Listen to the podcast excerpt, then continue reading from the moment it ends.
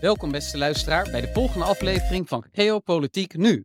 Vandaag hebben wij een zeer bijzondere en ook bekende gast in de uitzending, namelijk Pieter Kobelens. Van harte welkom. Ik ga je straks natuurlijk uitgebreid de kans geven om je voor te stellen, hoewel ik eigenlijk denk dat het voor de meeste luisteraars niet nodig is.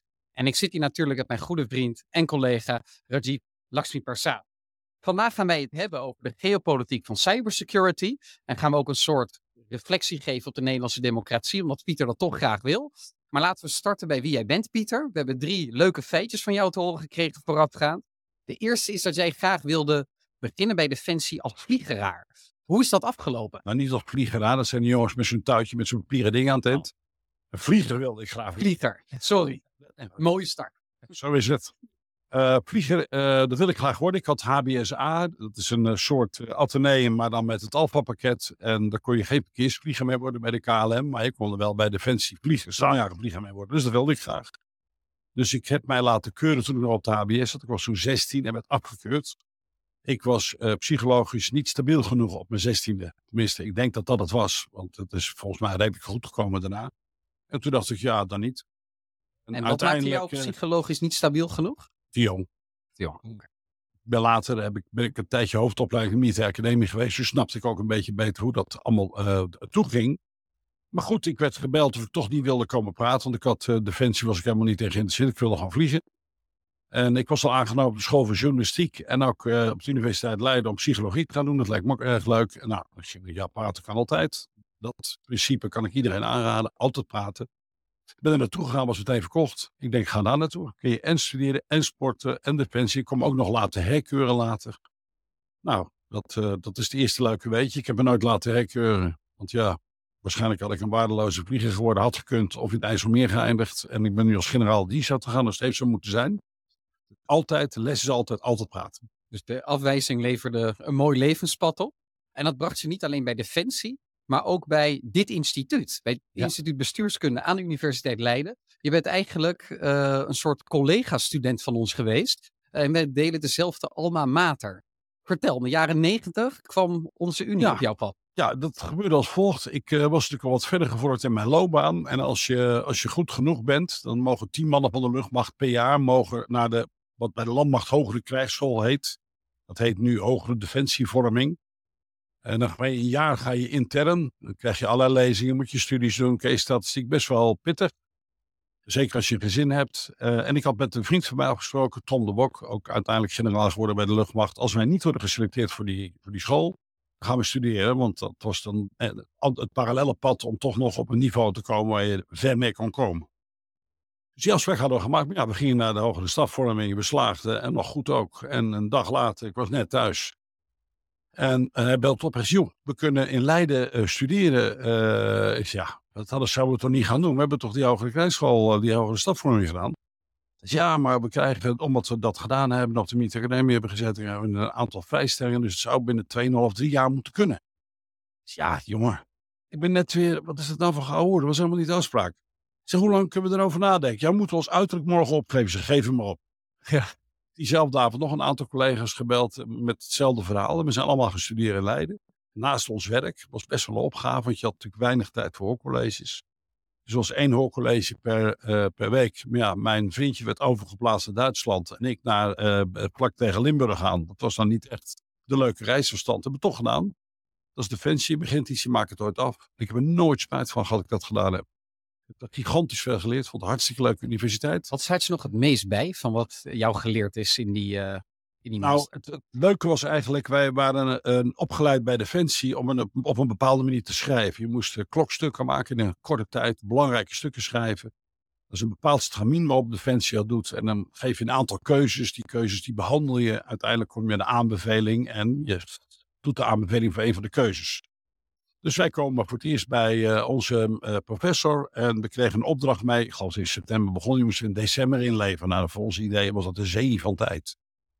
Dus allemaal aan schrijven gaan twee weken later had hij alle studies in zijn, in zijn inbak liggen. Dus hier daarna moest er bij hem komen. Hij zei, ik ben onder de indruk hoe snel jullie produceren. Ik moet ook zeggen dat jullie het op een hele knap manier doen. Maar het heeft geen bal met wetenschap te maken. Oh, want het is helemaal niet de bedoeling dat je met de oplossing komt en dat daarmee ophoudt. Je moet natuurlijk de waarom-vraag moet kunnen worden gesteld. Bla bla bla. Maar in defensieland was dat een doodzonde. Dat werd volg schrijven genoemd. Die moest bij de hoofdzaak blijven. Dus we moesten, waar we een jaar lang ons de pletter op hadden gestudeerd, moesten we afleren om dat in de volge vorm te schrijven. Ja, toen we ons aangepast hebben we het nog steeds redelijk snel ingeleefd. En we zijn eigenlijk allemaal goed geslaagd. Allemaal met een acht. Tenminste een acht. Daar waren we heel erg trots op. Want ja, we zijn helemaal prestatie gedreven. Hebben zelfs een uitnodiging gekregen om te promoveren. Ik heb een duo-studie gedaan. Omdat mijn vriendje in Duitsland zat. Ik in Limburg. Was dat een... Als je met elkaar afspreekt dat je in de weekends dan samen iets gaat doen. Dan heb je iets qua houvast. Wil je een ander niet teleurstellen. Was ook een beetje om onszelf te disciplineren. Dat is hartstikke goed afgelopen. Ik heb geen dag spijt van gehad. Oké. En wat ik zelf ook interessant vond. Ik uh, las uh, dat u een stichting heeft opgericht van Military, of ja, echt mijn excuses hier. Een uh, stichting heeft opgericht, Military Talent for Business Solutions. Ik dacht met het idee waarbij oud-generaals, kolonels, misschien ook wat lagere rangen, naar het bedrijfsleven worden uh, begeleid.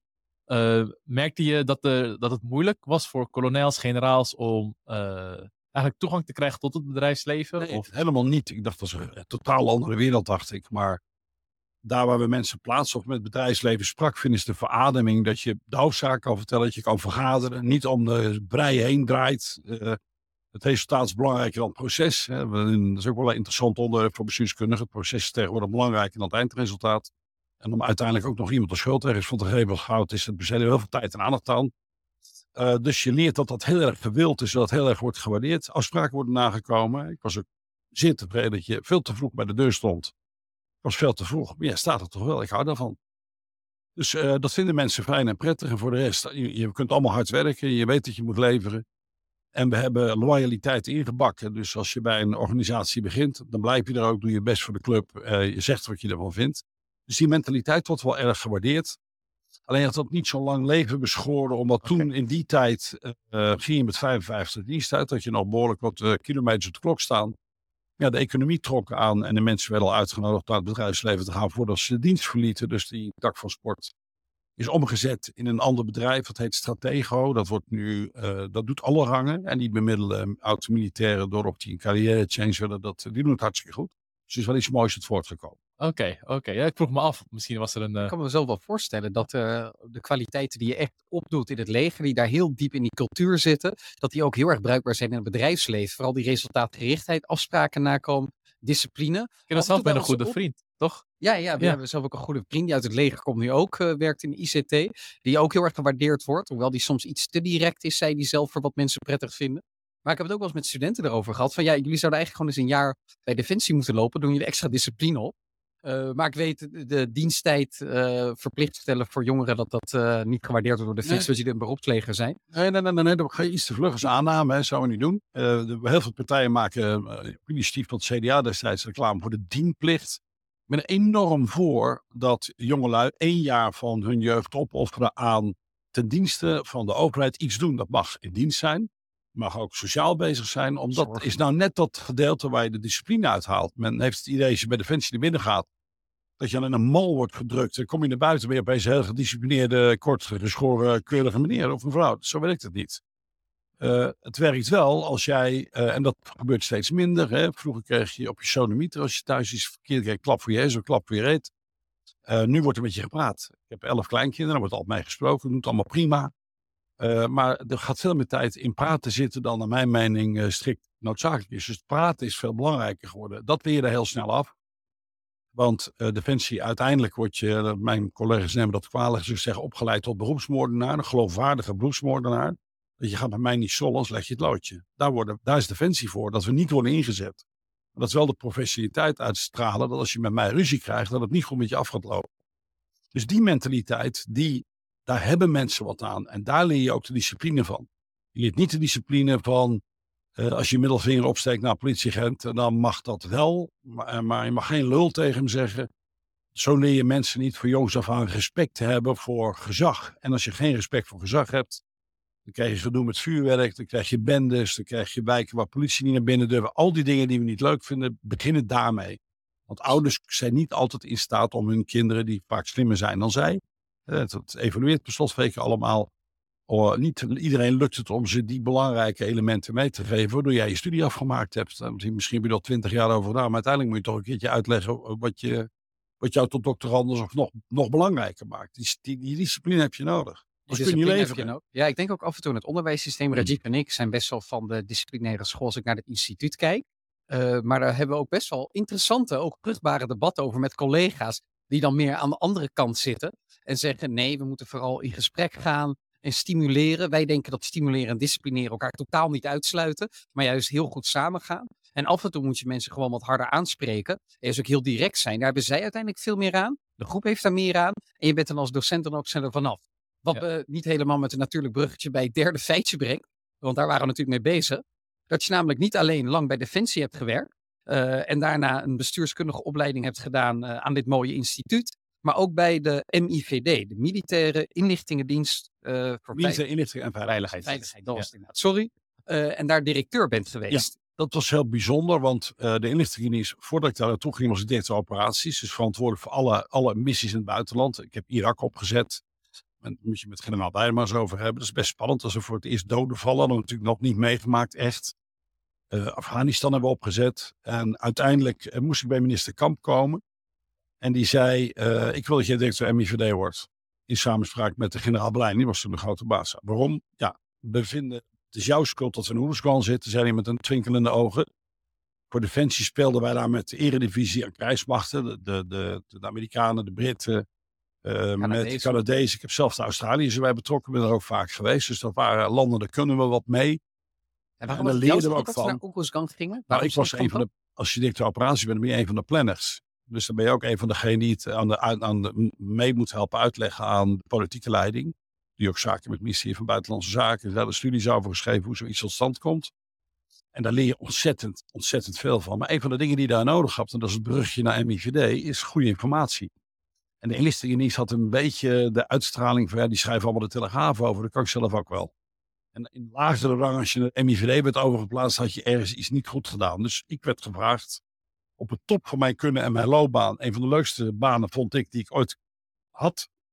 Ja, we vinden dat je directeur MIVD moet worden. En eh, we willen ook dat je dat vijf jaar blijft. Dus ik moest er ook twee jaar langer voor nadienen. Want we willen dat we die MIVD in dezelfde eredivisie terechtkomt als wat we met operaties hebben meegemaakt. Ja, ik las, het moet echt gemoderniseerd worden. Ja, en dat Ja. is gelukt. En dat is alleen nog met mijn opvolgers hebben het nog beter eh, gedaan. Maar we moesten echt wel.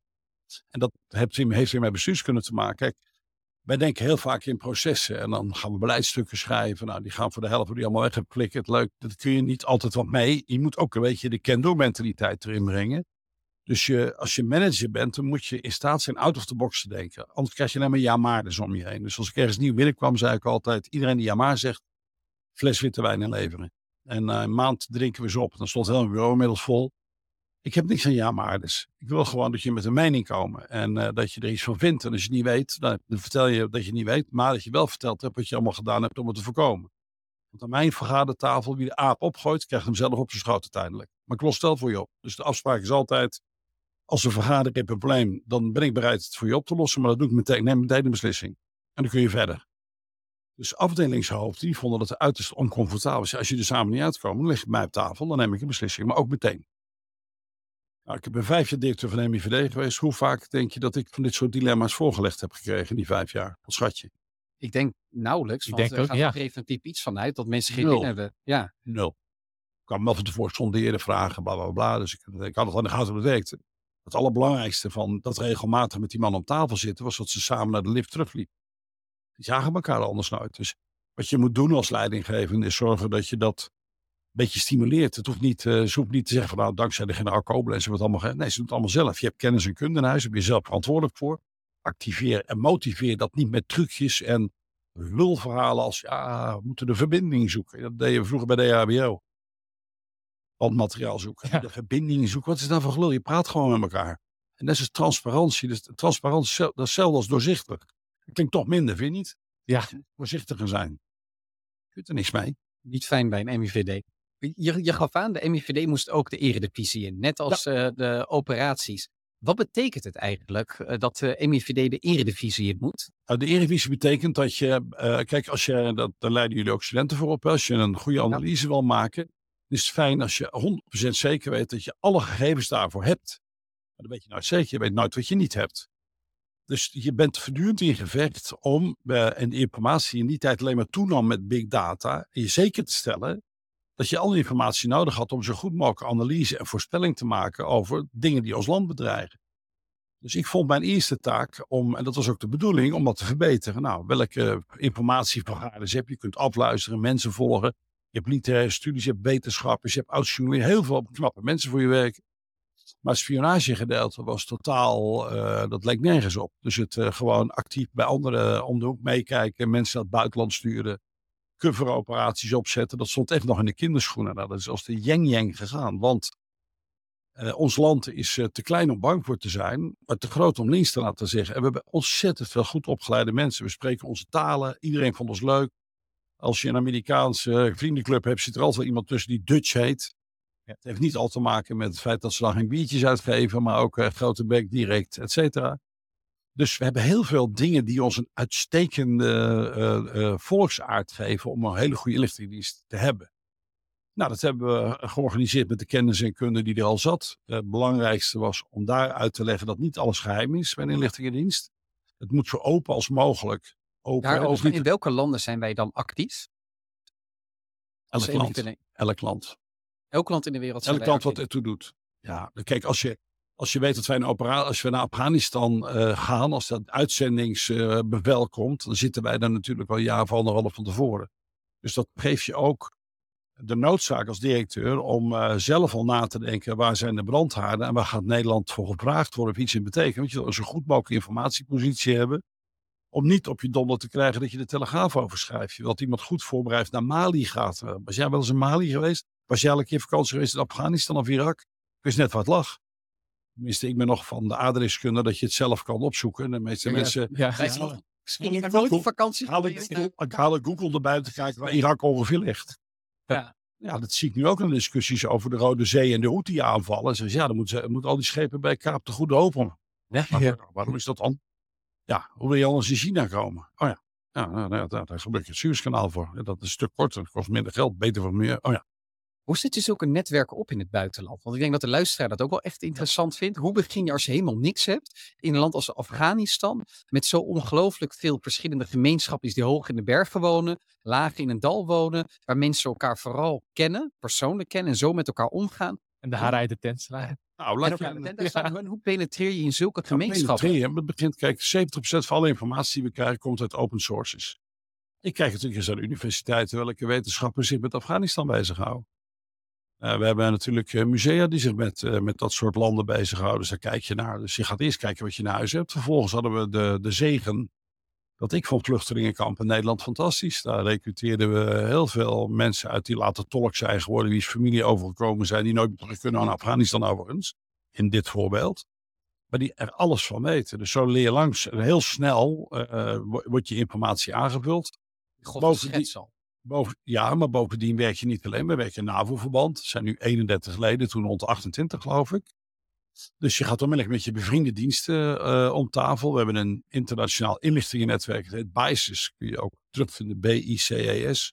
Zo is zo interessant als we over cyber komen te praten. Waar informatie tot een bepaald niveau met andere landen wordt uitgewisseld. Nou, uiteindelijk ga je met andere landen samenwerken. Dan gaan de inlichtingendiensten ook dichter tegen elkaar. En zijn die nooit alleen. Dus het is niet zo heel eerst ingewikkeld om jezelf daar een informatiepositie te geven. Dat is wat anders als je ergens gaat spioneren of andere dingen. Dan wordt het ingewikkelder. Ja, en uh, wat ik dan ook las, was dan verder gaan. Ik zag dat je twee doelen had. Je wilde namelijk Nederland cybertechnisch sterker maken op eigen Nederlandse kracht.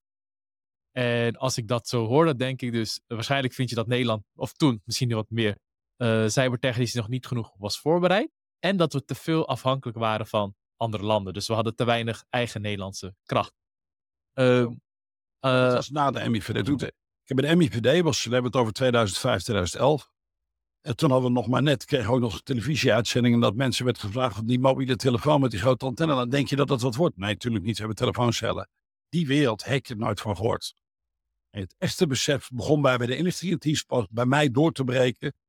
Uh, na mijn ervaringen met uh, de Millennium Change. Uh, heb ik in een commissie gezeten waar we zwartboeken maakten. Wat er zou gebeuren als de computers niet meer zouden doen. Nee, je kent de Millennium Change, de computers het niet meer zouden doen. Ken dat verhaal? Ja, het gaat erom, het heeft te maken met cijfer 0. En dat van 1999. De computers zouden uitvallen. En de computers zouden uitvallen, ja. En dus wat voor consequenties zou dat hebben? Ik ken het.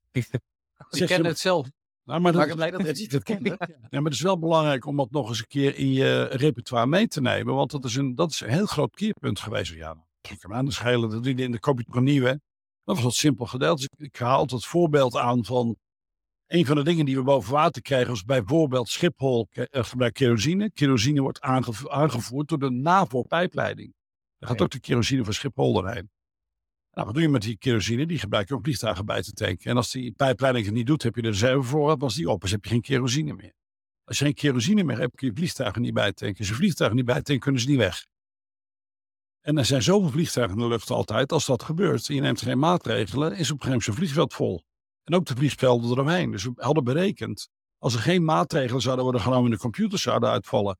En ook die pijpleiding zou het niet meer doen, dan zou uiteindelijk noodlandingen in zee krijgen. Dus het vliegverkeer die nacht is in volume teruggebracht. Totdat we in Australië hoorden dat er niks gebeurde. Of in uh, Nieuw-Zeeland hoorden als een van de eerste landen niks aan de hand was.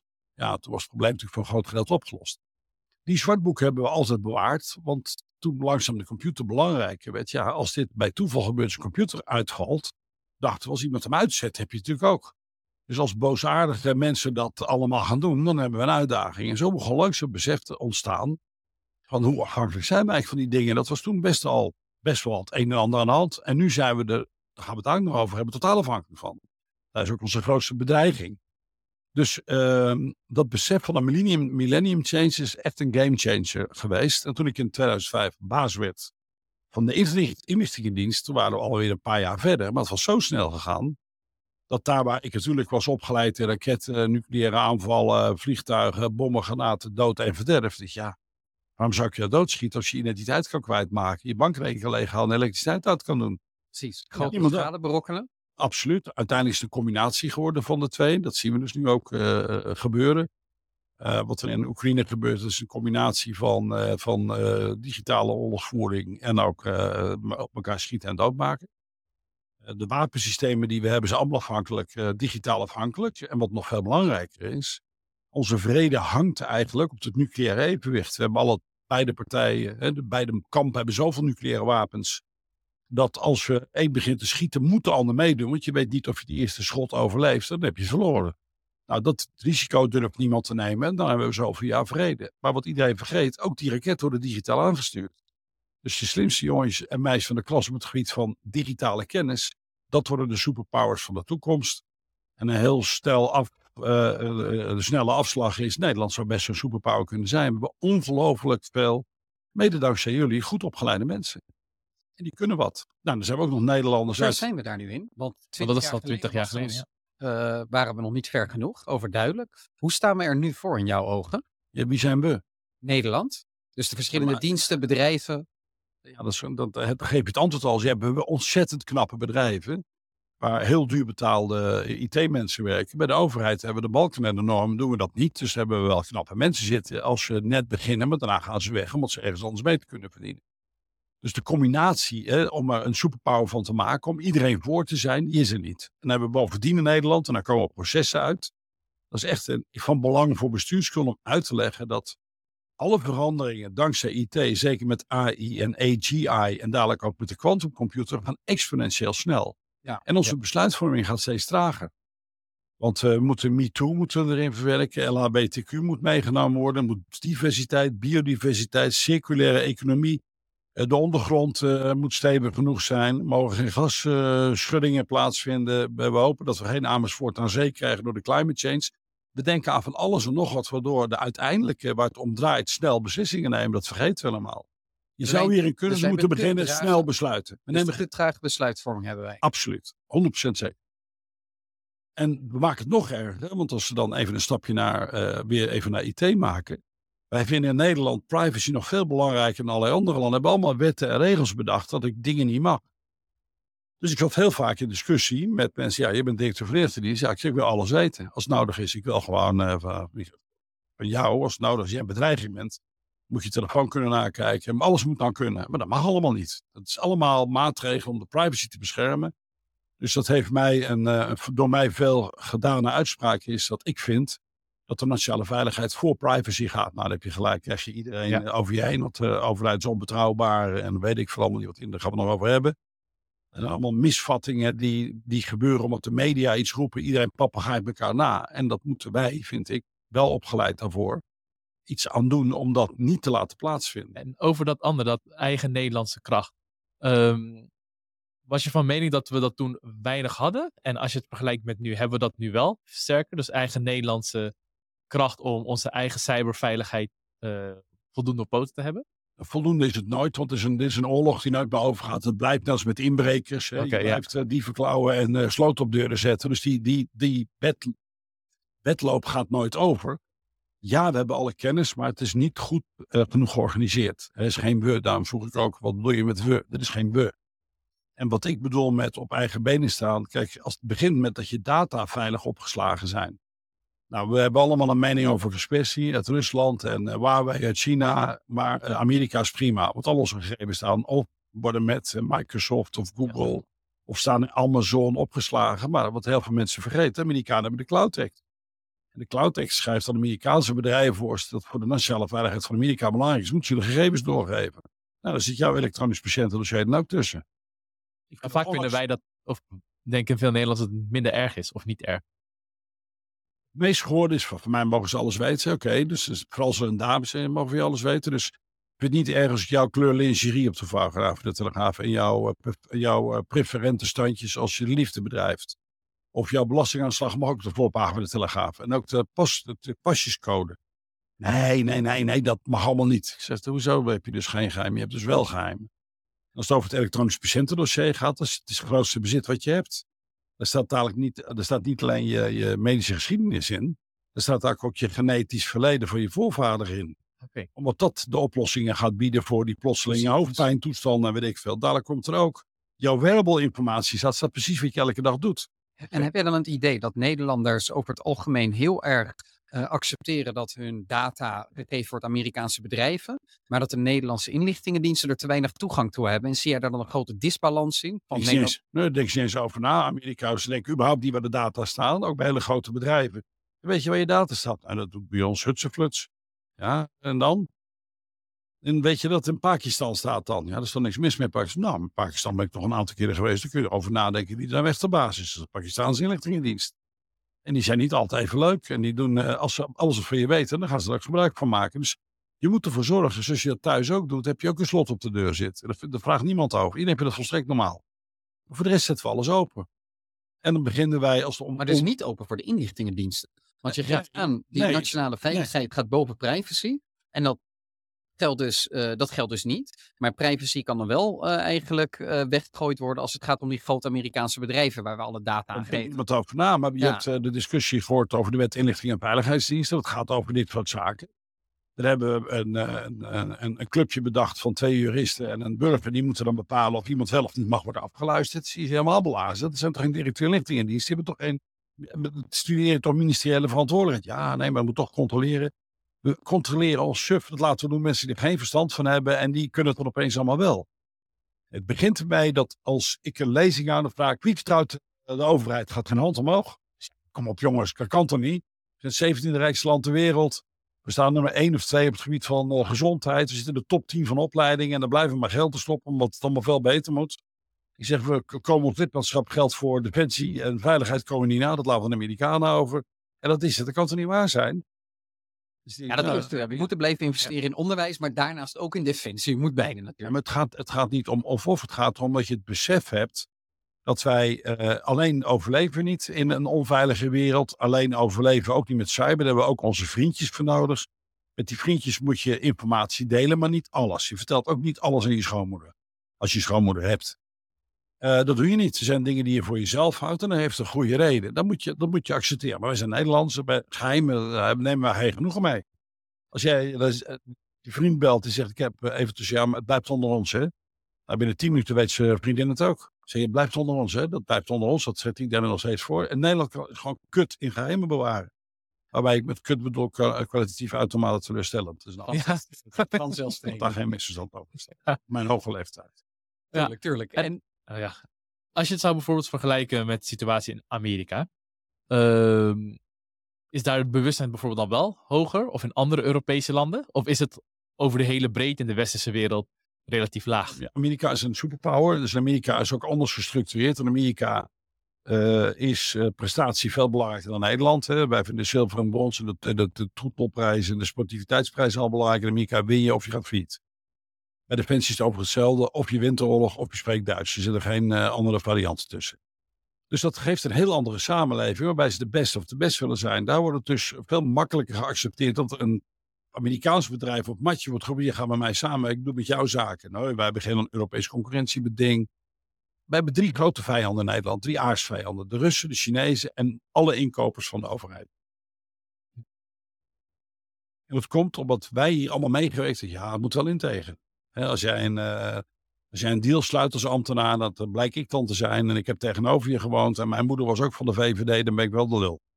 Dus als ik dat van tevoren weet, dan wil ik dat niet als ambtenaar. Dus ga ik met jou zeker geen zaken doen. Al doe je het beste product leveren wat er is dat achterlijke moet eruit. Dat is dat, dat, dat, dat gereformeerde gedoe alsof daarmee de wereld beter af is. Dus minder aanbestedingen, minder van die lange aankoopprocedures, dat zou dingen heel erg versnellen en verbeteren. Sneller beslissen. Kijk, het is heel vervelend als je in Irak de baas bent over de operatie en je hebt storingsmateriaal tegen bermbommen. Die bestel je, die wordt op de goede manier besteld. En tegen het tijd uit Irak weg zijn en in Afghanistan beginnen, komt materiaal binnen. Maar wel op een ongelooflijk keurige manier besteld. Waar gaat het over? Ja, dan heb je dus niets aan.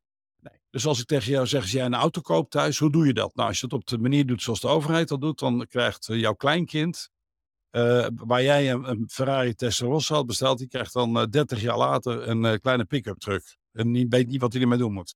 Maar wel helemaal prima volgens alle procedures gedaan. Daar wordt nu ook aan gewerkt om daar vanaf te komen. Dus Hoe groot is dit obstakel voor Nederland? Heel groot. Ja, ik denk sterk, nog dat je in alle sectoren dit ziet. Startups heb je ook mee te maken. Waarom, eh, wordt dat, waarom gaat het vaak niet goed? Ja, die kunnen met de overheid geen zaken doen. Het overleven ze niet. Ze hebben niet voldoende cashflow om beslissingen te wachten. En als ze uiteindelijk een ja krijgen, zijn ze hartstikke blij met tegen dat ze uitbetaald worden, is klaar. Dus wij doen dat niet goed. Maar dat doen we, het lossen we volgt Nederland op. En daar maken we beleid voor. Als alle beleidsstukken waar ik aan meegewerkt in mijn defensieperiode dodelijke wapensystemen waren geweest, hoeven we de eerste honderd jaar niks meer te kopen. Het is gewoon één stapel papier, wel door nieuwe inzichten, verandering van tijd, allemaal weer aan uh, onderhevig is aan vernieuwing. Dan begint de hele cyclus opnieuw. Dus je merkte zeker in de Koude Oorlog dat die defensiemechanisme was een begroting, een meerjarenplan maken, een begroting volgend jaar. Dat begon elk jaar opnieuw. Als dan de begroting van het afgelopen jaar was uitgenuld, dan hebben we de bier gedronken. We hebben een fantastisch jaar gehad. En toen ik was de eerste directeur operaties, toen operaties een belangrijke rol was, ik kan mij schelen. We zijn godverdikke straaljagers bezig te bombarderen in Bosnië. Rot op met je uitnullen van de begroting. Leuk voor je. Wanneer komen die bommen? Ja, even uh, een moeilijke vraag. En, en, dus moet, en je gaf net aan, er gaan nu wel wat dingen veranderen. Heb je het idee dat het voldoende gaat veranderen? Gaan wij dit probleem oplossen? Of denk je dat dit probleem blijft voortbestaan? Gaat te langzaam. Gaat te langzaam alsnog. Want we doen dat natuurlijk met de kennis en de methodes van nu. Dus uh, uh, kijk, ik ben met de nationale cloud bezig. Hè, ik ben daarmee bezig met Defensie. Uh, omdat ik vind dat Defensie mede-eigenaar moet zijn. Dus als dat lukt, dan moet je me nog eens een keer uitnodigen. Want dus op zich, daar ben ik al tien jaar mee bezig. Is dat de stukje dat we eindelijk bedrijfsleven en de overheid samen laten werken op een dusdanige manier. Dat ze daardoor steeds de, de ellende voor kunnen blijven. Met de, de beste cloudomgeving, de beste encryptie. Daar hebben we niet allemaal andere landen voor nodig. Wel de technieken die eruit komen, die kunnen we kopen. Kunnen we zelf modificeren of zelf bedenken.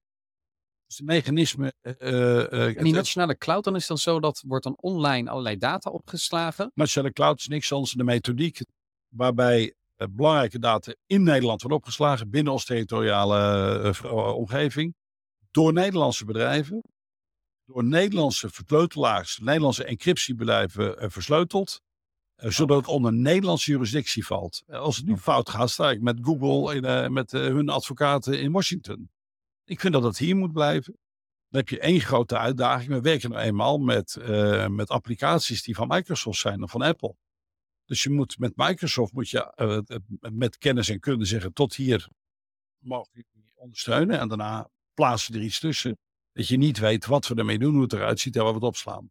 Dus als je dan de situatie krijgt dat Microsoft informatie moet geven aan de Amerikaanse overheid op basis van de Cloud komen ze niet met ons EPD in aanraking. En dan kunnen ze niet bij. Dan weet niet eens dat erin staat. En hebben wij voldoende talenten uh, om dit uh, voor elkaar oh, te krijgen? Zeker. Ja, ze hebben geen twijfel.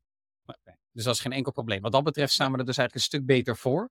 En dan is het we even wij als Absoluut. Nederland en in de Ja. samenwerking met bedrijfsleven. Ja, maar nu En de komt het overheid? bestuurskundige, nu komt het organisatorische. Eh, we hebben natuurlijk de triple helix, zoals we dat noemen. Wetenschap, bedrijfsleven en overheid. Ik weet niet of je die term kent. Ja. Die triple helix wordt gebruikt eh, ook op het gebied van eh, IT. En hoe zorgen we er nou voor dat we de beste jongens en meisjes van de klasse IT hebben geleerd, ook in die triple helix, vooral voor de overheid, ook actief blijven. Je kunt je niet veroorloven. Als jij hier een tijd eh, hoofddocent bent en je weet alles van de theorie van bestuurskunde, maar je hebt nog nooit bestuurd, ga ik na een tijdje toch een beetje rare smaak in mijn mond krijgen. Ik zeg altijd in een van mijn lezingen, heet één slide, er staan mijn credentials op, die heet altijd, is uw beleggingsadviseur miljonair? Vraagteken. En dat zijn toch dingen die je af moet vragen, dat je kunt een groot theoreticus zijn, maar af en toe moet je met je kop tussen de schuifdeuren om te kijken of het ook werkt. Er zit een groot verschil tussen wat je als wetenschapper doet en wat je als bestuurders doet. Het is gewoon een andere tak van sport. Nee. Het is wel een andere tak van sport. Wetenschapsuitoefening is echt iets anders dan bestuurders. Je gaat, je gaat ook anders kijken nu. Ik ga door. Ja, nee, nee, het is een andere tak van sport. Beide hebben heel veel waarde, eh, hebben absoluut heel veel waarde. Maar wij proberen theorieën te maken die de werkelijkheid zo goed mogelijk verklaren. Eh, op meer hoog overniveau. Maar dat betekent niet dat jij in de directe communicatie ervoor kunt zorgen dat mensen goed gemotiveerd zijn, dat zij goed gedisciplineerd zijn, dat ze weten wat ze moeten doen, op welke wijze je goede doelstelling kunt formuleren. Dus een heel goede bestuurder, die is misschien niet goed in staat tot het formuleren en het goed Nee. onderzoeken van theorieën. En nou omgedraaid, omgedraaid, een wetenschapper die heel goed is in leiderschapstheorieën te ontwikkelen, is niet per se goed, Goed in leiding geven. Ze hebben er hier een aantal ook hoor. Het, andere, gaat even iets snel voor mij op mijn hoge leeftijd. Ja. Maar het, feit dat jij, het feit dat jij eh, wetenschap bedrijft en wetenschappelijke theorieën neerzet en zegt dat een doet een ander naar me uitproberen of het goed gaat. En daarna weer empirisch onderzoek doen of het allemaal klopt heeft. Ik zeg dat het een groot voordeel is. Dat als jij een wetenschapper bent, dan moet je ook in staat zijn om het een keer uit te proberen. Ik vind het dus ook prima dat ik in raden van toezicht wetenschappers tegenkom. En ik, oh kut, dus in, en werkelijk gaat het toch een klein beetje anders toe.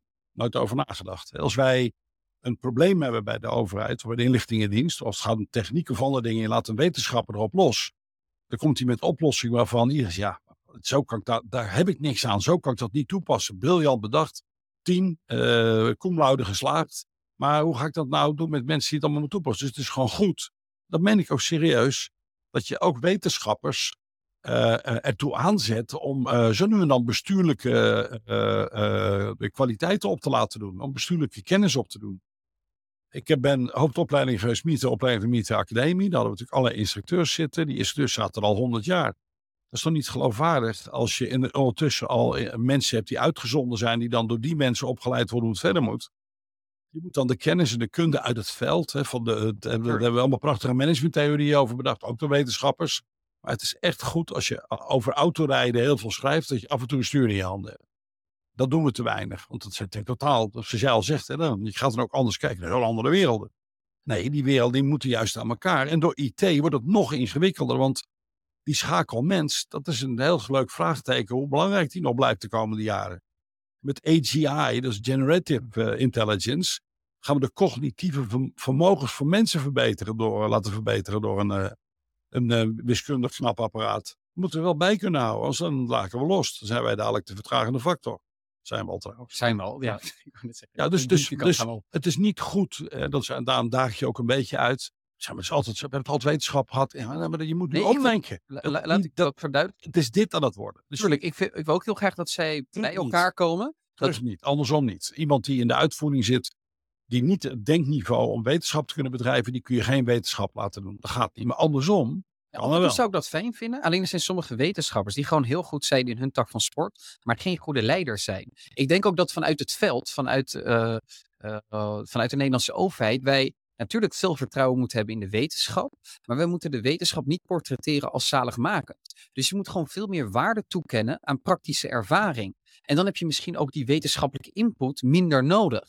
Natuurlijk, af en toe kan je er wel wat aan hebben om die praktijk te ver, verrijken. Maar ben jij echt op zoek naar een praktische oplossing, is het eerste advies dat ik je bijna zou willen geven, is bel geen wetenschapper. Dat is wel het laatste advies dat ik je zou willen geven. Dus waardeer gewoon mensen uit de praktijk dan wat hoger. Dan hoef je ook niet zo op te kijken tegen die wetenschapper die dan met een zaligmakende oplossing gaat maar, komen. Want die komt dat helemaal niet. Ik kijk helemaal niet op naar wetenschappen. Nee, niet, jij bent het algemeen in ja, dat, Je moet altijd een master hebben. Maar dat, dat, cult, dat cultiveren wij als wetenschappers, hoe ze ook mag noemen. Natuurlijk. Uh, uh, uh, cultiveren we dat een beetje. Wij zijn, wij, zijn, wij zijn meer als een ander volk geneigd om mensen in doosjes en in kastjes te stoppen. En ik zeg dat we nu een tijdperk hebben waarbij die scheidslijnen eh, verwateren. Je maakt van iemand uit de praktijk maak je geen wetenschappers. We zullen altijd wetenschappers nodig hebben die gewoon eh, beter kunnen nadenken en verder in, in, in, in, in, in strategieën kunnen denken dan iemand die aan de lopende band uh, met kersenbol staat. Zonder dat ik maar iets badinerends wil zeggen of iemand meer of minder waard is. Het vraag aan Dick Belijn, dus, die, die, die, ga je, die ga je nog mee spreken. F-16 ja, geweest, allemaal knappe dingen gedaan. Hij veel hoogteprees. Hij vond het laddertje op in de F-16 al het engste gedeelte, terwijl hij op 10 eh, kilometer hoogte vloog. Kan dat? Ja, dat kan. Oh ja. Geweldig feitje. Deze gaan we volgen. Ja, nee, dankjewel Pieter. Ja, ik vind het vol maar hij weet het, hij maakt er ook geen geheim van. Maar dan, dan, dan moet je eerst nog eens over nadenken eigenlijk. Ja. Ik, ik heb uh, voor sportparachute gesprongen. Ik heb mensen die hebben echt hoogte vonden in het vliegtuig stappen enger dan op uh, 10 kilometer naar buiten stappen en naar beneden donderen. Met 200 kilometer per uur. Dus het gaat erom, wij zetten iets in een hokje en dat kan dus niet. Dat kan dus wel. Mensen die dyslexie maar kanseloze namen Ik geloof de helft tegenwoordig dyslectisch is. We hebben dyslexie. Ja, dat weten wij. Heel even voor de luisteraars. Sorry Pieter voor het onderbreken. Wij hebben nu dat wij tentamens moeten doen. Dat sommige mensen met dyslexie extra tijd krijgen. Wij zien gewoon per jaar een toename in het aantal mensen dat extra tijd nodig heeft. Volgens mij hebben we een soort studie voor. Nou, ja, misschien verder uitspraken. Nee, maar misschien moet je wel nadenken of, of de methode van aanpak in het onderwijs. Ik ben bezig met een onderwijsbedrijf om te kijken of we just-in-time delivery of knowledge kunnen doen. Omdat ik het belachelijk vind dat als jij een vroege leerling bent, je zit in een, in een klas met later leerlingen, dan ben je bij, bij Volker Zuffert. Dan ga je niet bijhouden. Dat kan toch niet waar zijn, omdat je toevallig in een datum geboren bent. En je hebt kinderen, ik heb elf kleinkinderen en ik kan briljant rekenen. Die is voor op de rest, die moet zich een beetje inhouden, maar hij is ook dyslectisch. Dus als de tijd gaat op aan lezen en hij gaat niet sneller worden in rekenen, dan, dan verknoei je toch aanleg van die kinderen. Terwijl we in, in de coronatijd hebben gezien dat als je digitaal beter toepast, dat je minder overspannen leraren hebt uiteindelijk. Het gaat alleen maar over overspannen leraren, grote klassen en uh, salarissen. Er komen geen leraren bij. Grow up. Bedenk een, een, digitale oplossing. Dat komt heel goed uit. Die kinderen moet je sowieso uh, met een nek pakken, anders zitten ze toch de hele dag achter een scherm. Dan kan het er ook wel bij. Dus wij denken gewoon te veel in, in, en ben ik een oude zak, in oude termen. We moeten vooruit kijken. We moeten die dingen verbieden, maar waar de grenzen opzoeken. En als je dan toch verbindingen in zonder daar moeten we de verbinding in vinden. Dus ik heb dingen meegemaakt waar we absoluut niet zonder wetenschap kunnen. Bij de inlichtingendienst kijken we ook naar biologische chemische oorlogvoering. Kijken we naar nucleaire capaciteit. Kijken we naar spullen die getransporteerd worden over de wereld, die door mensen misbruikt, gebruikt kunnen worden. Heb je denkers voor nodig. Dan moet je, als je containerterminals wil aanleggen, je wil daar uh, jongetjes uh, niet in laten klimmen om drugs eruit te halen, moet je dat soort dingen doorzien. Heb je wetenschappers voor nodig. Maar die wetenschappers, die, die stimuleerde ik altijd, die voor mij werkten, die gingen ook een stukje de praktijk. Ga nu maar mee kijken wat je veroorzaakte. Kut, dat gaat helemaal niet zo. Ik heb wel een team, dat is een briljant bedacht, maar kan er niks mee. Ik heb alleen de volgende waarom-vraag mooi weten formuleren. Dus ik heb een prachtige hypothese voor mijn hoogleraar. Maar ja, daar gaat het nu even niet om. Dus de praktische toepasbaarheid van wetenschap. We kunnen niet zonder wetenschap. We kunnen de wetenschap wel een drempel, een drempeltje een klein beetje lager zetten. Om zelfs de meest wetenschappelijke uh, vakidioten die ik ken. Die eigenlijk nauwelijks uh, geschikt zijn om sociaal te verkeren met andere mensen. Ja. iets laten doen. Maar ze blijven worden. En zeker de mensen die het moeten gebruiken. Dan maak je de afstand kleiner. En als AI zijn loop krijgt. Dan gaan die dingen sowieso vervagen. Want dan, ik weet niet of we dan ook de wetenschap moeten gaan herdefiniëren. Zeker, dat, daar zijn wij nu al aan de lopende band mee. Uh, mee bezig. En dat is verdomme lastig voor ons door ChatGPT en andere zaken. Mooi, Gewoon heel concreet. Ik vind het heel mooi. Ja, ik kijk, ook, ik kijk papers na en ik denk van, uh, dit, dit, dit heeft niet een leerling geschreven. Ja, ik heb niet een student uh, op papier gezet, want ik kon er voorheen nog geen drie volzinnen achter elkaar zetten met enige vorm van interne consistentie. En die schreven dan nu op het hoogste niveau papers in het Engels. Oh, oh. dan heb ik daar toch wel enige twijfels bij. Eh, maar dat is wel heel erg leuk om te zien. Dus het stelt ons ook voor enorme uitdagingen. En dat komt omdat wij gewend zijn dat iemand iets op papier moet zetten. Omdat iets anders niet met jou kan communiceren. En de manier en de aard en de wijze. Dus bij Defensie precies hetzelfde. De D's en T's werden veel belangrijker in de indeling van de hoofdstukken. Dan uh, waar het uiteindelijk om gaat. Ik wil dat jij een oorspronkelijk denker wordt. Ik wil dat als ik een probleem heb, als jij manager bent, dat jij een oplossing voor me denkt. Dus ik wil je uitdagen om die oplossing, en dan mag je bij rustig ChatGPT gebruiken. Ik ben op van uh, de school dat uh, dik werd gedissocieerd of je een rekenmachine mag gebruiken op school. Dan lacht iedereen nou vooruit. Natuurlijk mag dat. Of dat je een computer mag gebruiken om iets na te zoeken. Ik bedoel, je gaat het niet winnen van AI als je alles uit je hoofd moet leren. Dat gaat niet meer. Dus, Natuurlijk. dus betekent ook, ben jij in staat. Ik ben op zoek dadelijk, zou ik op zoek zijn als ik wat jonger was, naar mensen die AI goed kunnen doctrineren, goed kunnen uh, wegzetten. We zijn op zoek. He- helemaal en, eens. En iedereen die in paniek is over AI, je moet ook uitleggen dat je AI kan gebruiken om AI te controleren. Dus ben je in staat met wetenschappelijk goed opgeleide mensen om ervoor te zorgen dat je dat soort eh, processen eh, op die manier kan beheersen. En dat kan. Tuurlijk, hier ben ik het helemaal eens. AI biedt gigantisch grote kansen. En ik denk ook dat het voor Nederland een enorme oplossing, eh, oplossing kan zijn in talloze sectoren. Het enige wat in onderwijs wel zo is, is dat wij natuurlijk om het eindproduct geven, namelijk het paper dat ze inleveren. Maar eigenlijk geven wij niet zozeer om dat eindpaper, maar Ja. geven wij aan de Vaardigheden. om aan de ontwikkeling die daaraan ten grondslag ligt. En het is voor ons nu heel lastig te zien. Wat beoordelen wij? Dat iemand eh, eh, AI-opdracht goed heeft ingevuld? Of dat hij zelf een bepaalde ontwikkeling heeft doorgemaakt? Dat je op de werkvloer zegt van gebruik vooral AI ten volle, dat snap ik echt. Eh, maar hier aan de universiteit willen wij graag zien dat studenten een bepaalde ontwikkeling doormaken. Snap Af en toe AI gebruiken vind ik goed. Eh, of vind ik Ja, want je hebt een team om acht gehaald, zie ik ook. Maar heb je kritisch nadenkvermogen, samenwerkingsvermogen? ik, maar ik ben, eh, dat- ja. goed, ik ben- ik kom Ja. niet uit een ei, ik snap dat. Ja, ja, ja. Ja, dat is lastig. Maar, maar ja, dat ik het snap. Nee, nee, nee. Ik dacht- ik dacht toen dat zei ik dat is lastig lastig. lastig. En dan in dit interview. Nee, maar ehm, wat, eh, eh, eh, wat belangrijk is, naar mijn mening, kijk, het, blijft toch altijd om het peper draaien. Natuurlijk wil je mensen, dat, dat mensen op een logische wijze komen tot een oplossing. Dat kun je niet meer zo goed controleren met AI. Maar je kunt wel kijken of de oplossing die gepresenteerd is, zoals die je ook kunnen uitleggen. Dan wordt het een beetje ingewikkeld. Het is Ja. leuk dat AI het allemaal opschrijft, maar dat was vroeger bij het overschrijven van boeken en boeksamenvattingen in examens van anderen ook. Kom jij eens even hier. Fijn dat je het allemaal zo mooi ook kan schrijven. Kan mij wel zo zijn, want als dat middel er is, gaat hij toch gebruiken. Maar dan moet je even de oorzakelijke of de logica vertellen achter de oplossing. En dan moet je zelf ook zo slim zijn. Er zijn nog drie andere alternatieven. Heb je daar niet voor gekozen? Uiteindelijk vang je ze altijd. Maar wij hebben onszelf geleerd, vooral naar de logica te kijken, de logische opbouw van het stuk. Of een goede eh voetnoten in staan, of het allemaal keurig. Maar Ja. wij bijten ons vast. En dan kom ik weer in het proces. Ik ben een ongelooflijke proceshater antwoord. Natuurlijk kun je, moet je een methode van aanpak hebben. Het proces hebben wij. het- het- Mag ik jou de vergelijking maken tussen de VOC-periode en nu? In de VOC-periode zei iemand: Ik ga naar de private equity. Dat was een schatrijke vent in de Keizersgracht. Er kwam dan zo'n Jan Lul aan die een beetje kon, kon zeilen. Die die had dan een paar planken onder zijn arm en 150 man die niet konden zwemmen. Moest je luisteren, als je mij nou eh vergelijkbaar een paar miljoen geeft, dan bouw ik in twee jaar een schip. Ben ik vier jaar weg en dan kom ik schatrijk terug als ik niet overvallen. Doe mij geld. En dat deden ze. Ja. Hadden 5000 schepen de VOC varen op een gegeven moment. Nou, houd die vast, hebben nu sprong in de tijd. Ik kom bij jou, private equity. Maar ik heb een hartstikke goed idee, maar even een paar miljoen. En eh, dan ga, maak, bouw ik een schip, ik ga de wereld dan over, jaar ben je schatrijk. Ik denk dat je met kop en grond buiten wordt geplikkerd. Ja. Bovendien hebben we dan naar de regering gezegd, ja wacht eens even, heb jij, heb jij de goede kwalificaties? Jongen, als je een, een schip bouwt, kom je de territoriale wateren niet eens uit, zo hebben we dat dichtgetimmerd.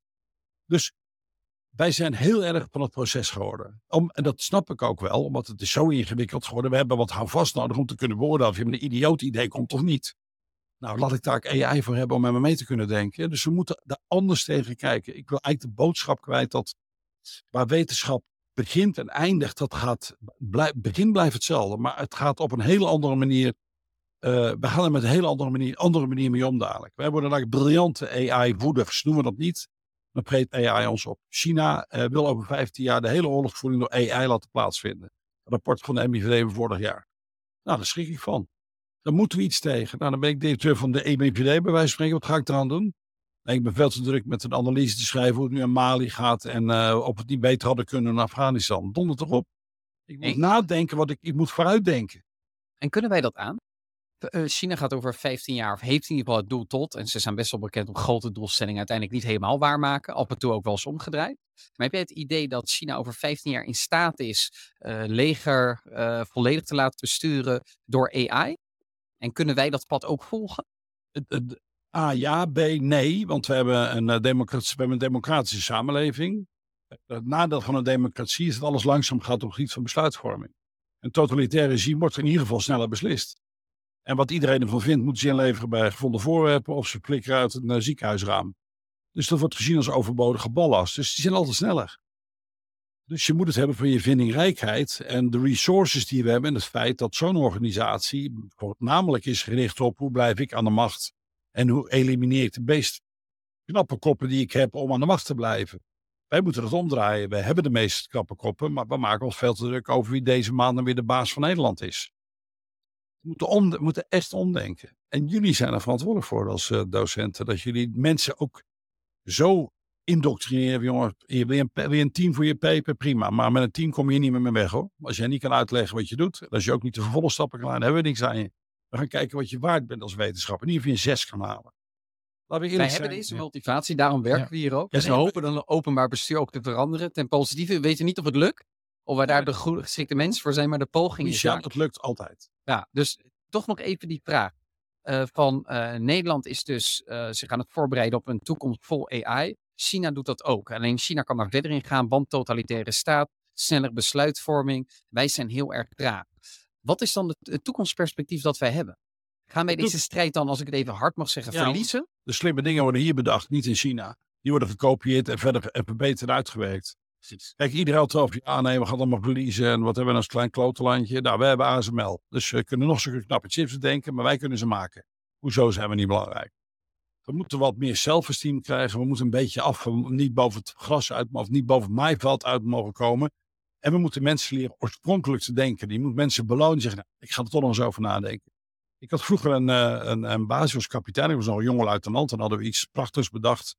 Een automatisch display voor de geleide wapens. Nou, dat waren als je een knopje links overhaalde, gingen vier andere lampjes ook branden. Die hadden met elkaar te maken. Nou, dat was al bah, met basic geprogrammeerd radio check. Zeg je helemaal geen donder meer computers waar je alleen mee kon tennissen. Zo is het allemaal begonnen. En dan hadden we dat klaar. Dan waren we echt de beste van heel de NAVO. Nou, dan waren we trots op onszelf. Dan gingen we iets anders doen. En zeiden nee, we gaan iets anders doen. Maar we gaan ook nog kijken of we dit niet kunnen verbeteren. Dus oorspronkelijk denken ze hem. Ik heb een tracé bedacht. Maar ik blijf teruggaan naar de afslag.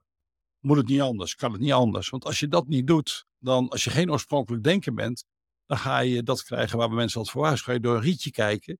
En dan blijf je dat rietje maar doorlopen, terwijl het 360 graden blik om je heen verwatert.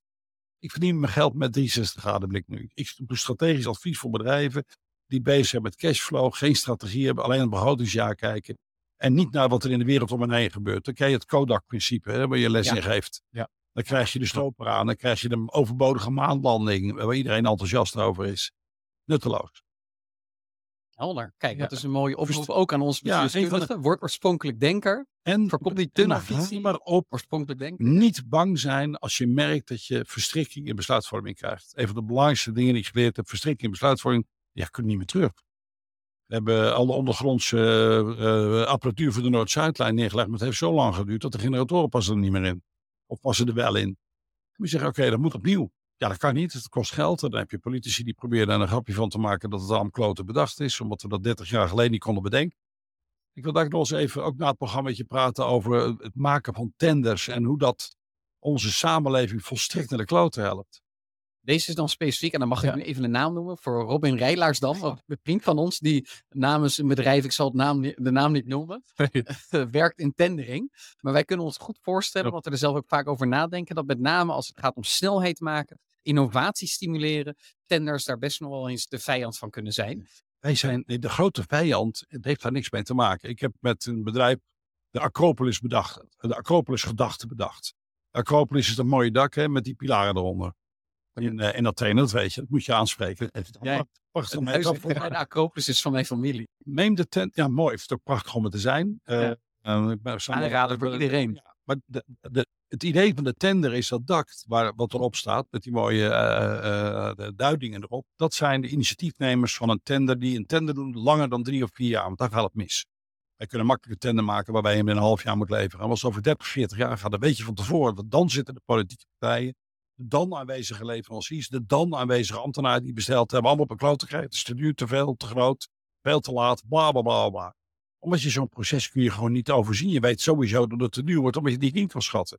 We hebben IT erbij, waarvoor ik net verteld, exponentieel veranderingen. Ja. Uh, je hebt bedrijven die hebben gezegd, we hebben nu na vijf jaar hebben we spul opgeleverd gekregen, maar er zit Windows XP in.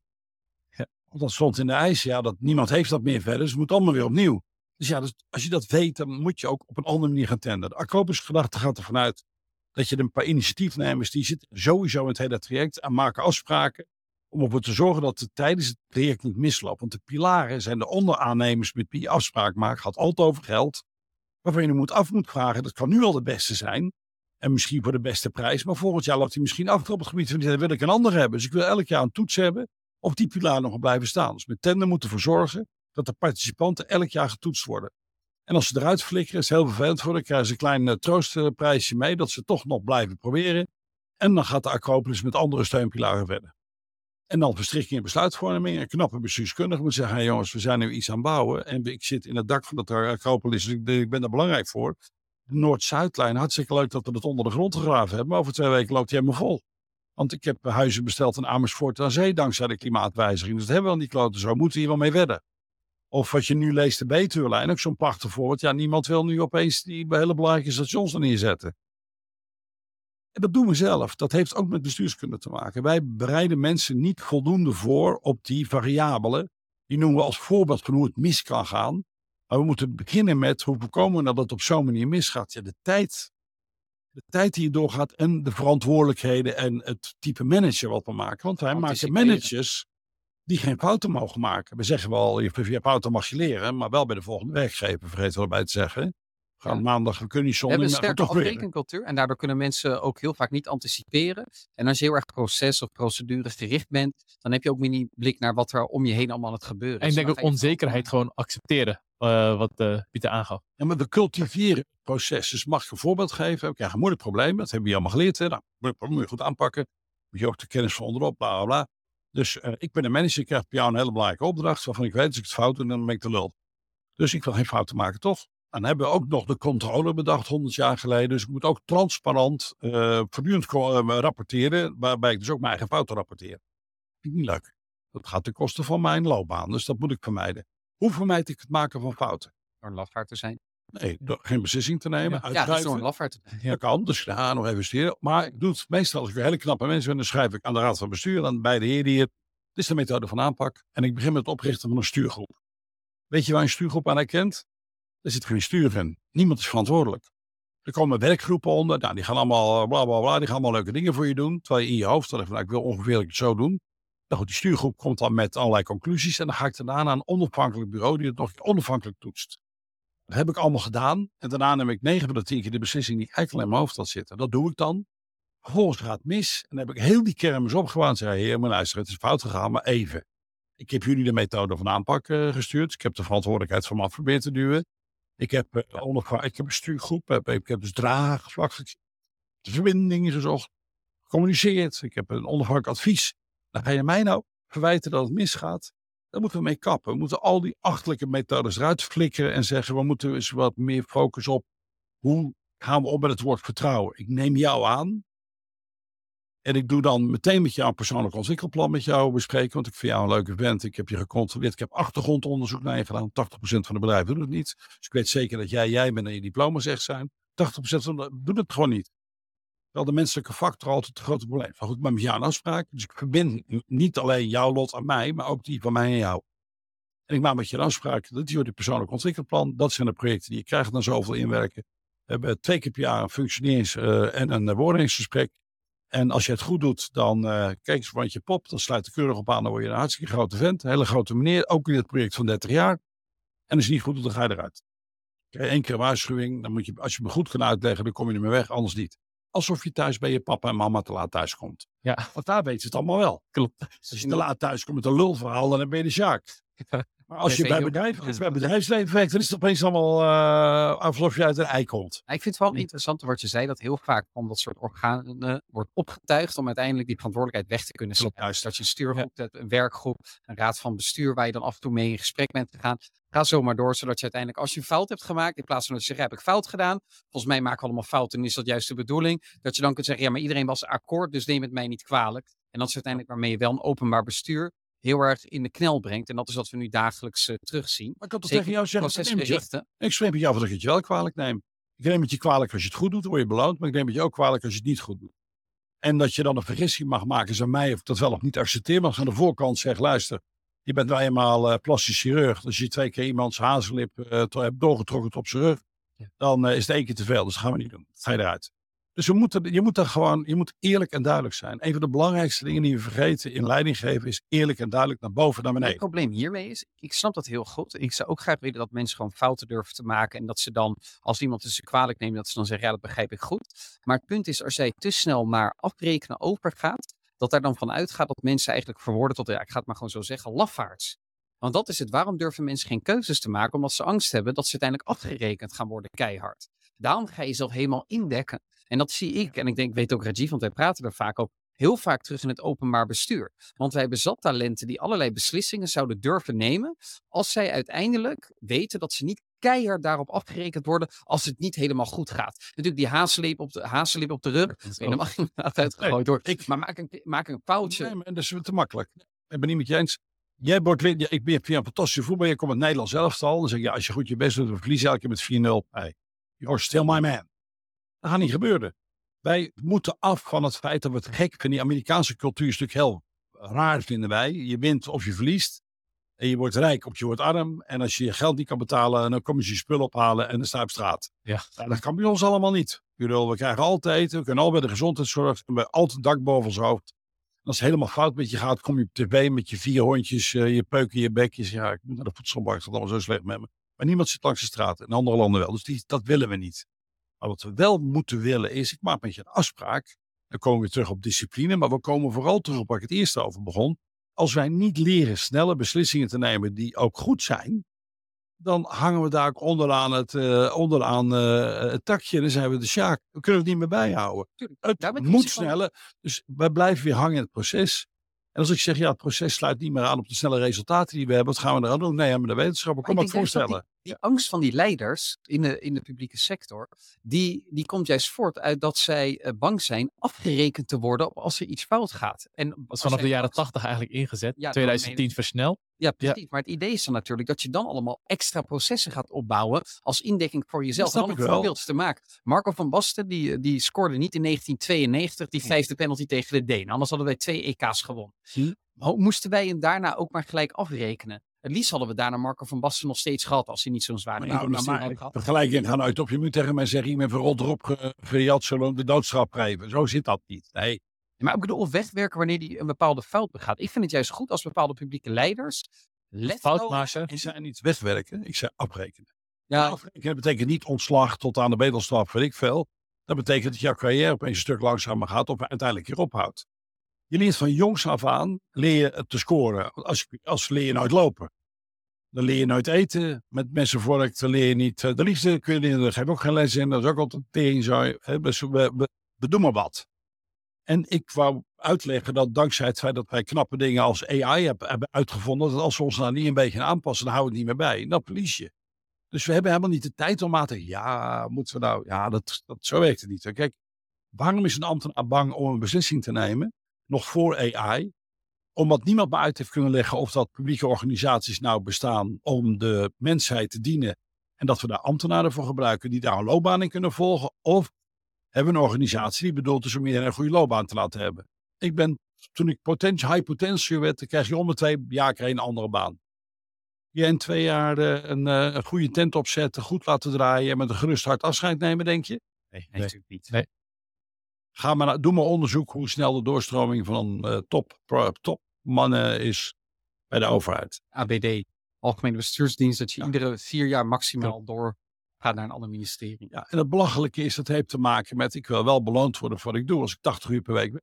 Ik werkte 80 uur per week en ik ging met een salaris van 127.000 euro bruto de dienst uit. Na 40 dienstjaren. Ik werk nu niet eens de helft van de tijd. Ik verdien vier keer zoveel. En ik vraag helemaal geen ingewikkelde bedragen.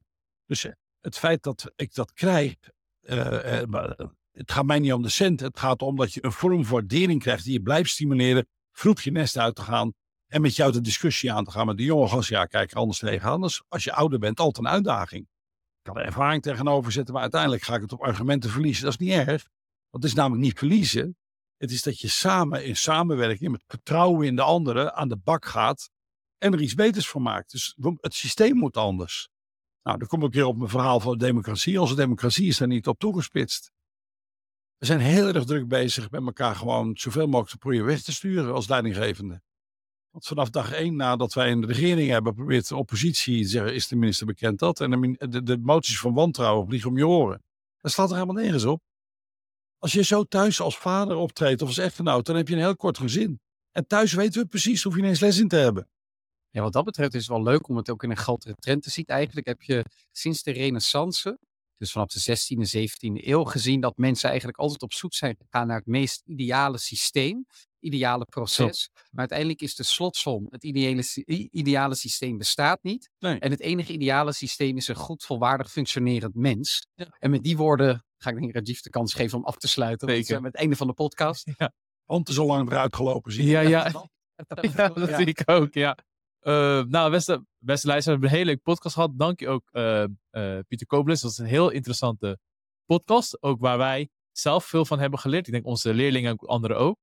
We dachten zelf dat we vooral zouden hebben over cybertechniek. En daar hebben we natuurlijk ook een deel over gehad. Maar het is eigenlijk, heeft een leukere uitwending gekregen. We hebben het vooral gehad over managementstijlen. En vooral los van dat hoe je eigenlijk als ambtenaar of als wetenschapper of gewoon als mens eigenlijk kan, voor kan zorgen dat jij zelf zaken voor, elkaar, eh, voor elkaar kan krijgen. Eh, welke rol processen in moeten spelen. Ze spelen een belangrijke rol, maar ja, laat een middel niet een doel op zich worden. Precies. Ehm, en eigenlijk alle andere elementen besproken. Ehm, ja, we nodigen zeker uit voor een tweede keer. Wanneer dat komt, dat zien we wel. Ook voor de luisteraars, volgende week hebben we een gesprek met Dick Berlijn. Eh dan gaan we het hebben over zijn tijd binnen Defensie en welke ontwikkelingen hij heeft meegemaakt en wat we eigenlijk kunnen leren, wat we beter zouden kunnen doen binnen Defensie. Week daarna hebben we met Casper Wits. Eh, dan gaan we het hebben over de verkiezingen in Taiwan. Die zijn heel spannend. Eh, wie hebben er gewonnen? Eh, wat zijn de implicaties van de mogelijke ja, verkiezingsuitslagen? Hoe zal China daarop reageren? En we hebben nog weer een reeks aan andere hele toffe personen. Dus blijf vooral luisteren. En nogmaals, blijf afscheid, blijf afscheid nemen van je ongeïnformeerde zelf.